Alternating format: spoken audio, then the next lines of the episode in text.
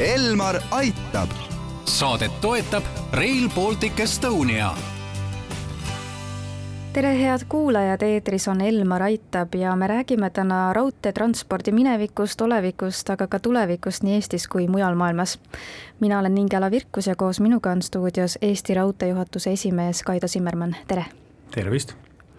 No teil on aastakümnete pikkune juhtimiskogemus raudtee valdkonnas, millised on Eesti olulisemad raudteetranspordiga seotud arenguetapid?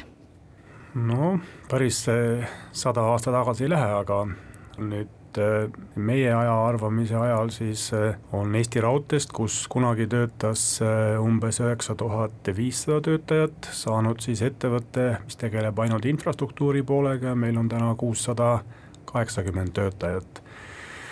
ja kogu Eesti ähm, raudteetranspordis kuskil on umbes kaks tuhat töötajat, nendest siis on äh, osa Eesti Raudteel, osa on Operailis, osa on Elronis, Edelaraudteel ja veel mõningad väiksemad firmad, mis kunagi kõik oli üks Eesti Raudtee. ja noh, selle aja jooksul on siis väga palju muutunud, ähm, palju optimeeritud palju on äh, müüdud ja erastatud, varasi on Eesti Raudtee kunagi ära erastatud, tagasi ostetud ja täna oleme siis äh, infraettevõtte majandajad ja ja tegeleme siis sellega, et infrastruktuur oleks korras, et saaksid siis äh, nii kaubavedajad kui reisivedajad siis piisava kiirusega ja ohutult sõita, et siis oma kliente siis teenindada. aga mis on täna ikkagi need kõige olulisemad küsimused või teemad selles valdkonnas? Noh, hetkel on meil muidugi äh, väga suured investeeringud äh, käsil, meil on äh, vaja tõsta rongide kiirusi saja kuuekümneni kõikidel peateedel peaaegu. me siis ehitame signalisatsiooni ümber, et oleks turvalisem, sest praegused süsteemid on meil juba viiskümmend, kuuskümmend aastat vanad. ehk et lähme siis relee süsteemidelt siis elektrooniliste arvutisüsteemide peale üle investeerime liiklusjuhtimisse, et edaspidi siis juhib tegelikult raudteeliiklust siis arvutid, samamoodi me investeerime elektrifitseerimisse, lähim plaan on siis kahe tuhande kahekümne neljanda aasta lõpuks siis ära elektrifitseerida Aegviidu Tartu lõik, et need uued rongid, mis Elronile tulevad, siis saaksid äh, õigeaegselt siis liinile ja sõitma ja inimesi vedama. samamoodi me tegeleme ka Haapsalu raudtee taastamisega ja samal ajal käivad ka siis tavalised sellised raudtee kappremondid, need äh, tööd on väga palju, hetkel on äh, investeeringute kogumaksumus äh, nii suur, et mitte kunagi Eesti Raudtee ajaloo jooksul ei ole nii palju raha olnud, et pöörata seda siis infra arengusse aga kui populaarne on raudteetransport üldse Eestis, et ühest küljest nii reisijate veo mõttes kui ka kaubaveo mõttes, et kui võrdleme seda siis näiteks äh, maantee, teiste maanteetranspordi võimalustega? no reisiliikluse poole pealt on muidugi iga aasta on,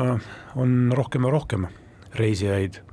kuigi no ütleme, Covidi periood on nagu eriline meil, siis, siis sellel aastal on juba Eesti ja Edelaraudtee territooriumil veetud juba üle viie miljoni reisija. kindlasti me veel ei jõua äh, nende näitajateni, mis oli üheksateistkümnendal aastal, kui oli kaheksa koma kolm miljonit reisijat äh, kõikidel raudteedel, aga ma arvan, sellel aastal ikkagi kuue miljonini jõuame kindlasti. ja edaspidi ka, et kui äh, kiirused tõusevad, võimalik kiiremini saada nii Tallinna kui, kui Tartu või kui Narva kui, kui Valga vahel Haapsalusse, siis ma arvan, et eh, reisijate arv ka suureneb, et eh, mis puudutab kaubavedu, siis eh, noh, Eesti on suhteliselt väike riik, et, et, et tavaliselt ikkagi raudteekaubavedu hakkab siis, kui on umbes nelisada kilomeetrit vaja mingit kaupa vedada, et meil kahjuks ühtegi äh, sellist äh, otsa ei ole, meil kõige pikem äh, maa on Paldiskist äh, Kodulani on kolmsada kaheksakümmend kilomeetrit, et aga sellegipoolest me ikkagi veame ju, meil on konteinerrong, mis on Operaili opereerida, kes siis veab konteinerites siis kaupa, erinevaid kaupu siis Tartu ja, ja Tallinna vahel, Muugale läheb see rong. Meil veetakse ka põlevkivi loomulikult siis, kui seda põlevkivi vaja on, kaevandustest, meil veetakse põlevkiviõlisi, mida toodetakse siis Ida-Virumaal siis sadamatesse. meil on ka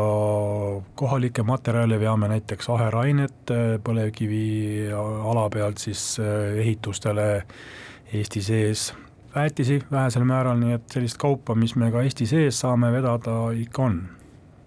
kui me aga vaatame natukene laiemalt, siis milline on Euroopa ja maailma raudteetrend täna? Ma just saabusin Brüsselist, kus kaks päeva siis räägiti, mis, mis raudtee valdkonnas tulema hakkab ja ja ka Euroopas on täpselt samasugused trendid äh, nagu meil, et kuna ta on ikkagi keskkonnasõbralik äh, transpordiviis, siis äh, investeeringud Euroopa raudteedesse on, on väga suured lähiaastatel ja nende, nende põhine mure oli, et kuidas seda teha siis samal ajal, kui needsamad uued dokumendid nõuavad, et oleks siis kaks korda rohkem reisijaid või kaks korda rohkem kaupa, aga samas on vaja ka teed siis ehitada ja remontida ja leida neid võimalusi, kuidas siis raudtee vahepeal kinni panna, et saaks midagi juurde ehitada, et, et see oli nagu suure, suur küsimus, et kuidas neid kõiki eesmärke siis oleks võimalik paralleelselt teha. et Euroopas on muidugi üsna palju probleeme, ka näiteks sellised, mis on siiamaani lahendamata, et ei saa näiteks osta internetist piletit, ma ei tea, Tallinnast rongiga kuskile Madriidi ühe, ühe korraga, nii nagu lennukite peale saab osta, et, et see on siiamaani lahendamata, sellega tegeletakse. On graafikud eri riikides erinevad, on signalisatsioonisüsteemid erinevad, et neid probleeme on ikkagi väga palju veel Euroopas aga te olete kindlasti väga palju erinevaid äh, selliseid innovaatilisi lähenemisi rongidele üle maailma näinud. Äh, oskate te võib-olla kohe praegu mõned välja tuua, et äh, mis on selline eriti äge lahendus? raudtee on selline traditsiooniline valdkond, kus väga palju mingit sellist innovatsiooni ei ole, kuna rööbas on rööbas ja liiper on liiper. Mida muidugi väga räägitakse, on, on digitaliseerimine, et see on nüüd viimase viie aasta nagu selline ka raudteele tulnud, kus siis äh, võimalikult palju tahetakse selliseid äh, uusi lahendusi just, äh, et ta oleks reisijasõbralikum. et sellises valdkonnas on, on selliseid lahendusi, kus ähm, saab edasi minna, aga mida siin Eestimaal me, me teeme, on ikkagi see, et meie jaoks ütleme, liiklusjuhtimine, kui hakkavad arvutid nagu raudteeliiklust juhtima, on ikkagi täielik teine maailm kui siiamaani, et siiamaani ikkagi jaama korraldaja või, või dispetšer tegi siis selle rongile tee valmis ja siis rong sõitis, aga edaspidi hakkab seda tegema arvuti. aga aitäh teile saatesse tulemast, Eesti Raudtee juhatuse esimees Kaido Simmermann ning palju jõudu ja jaksu teile! aitäh! Elmar aitab! saadet toetab Rail Baltic Estonia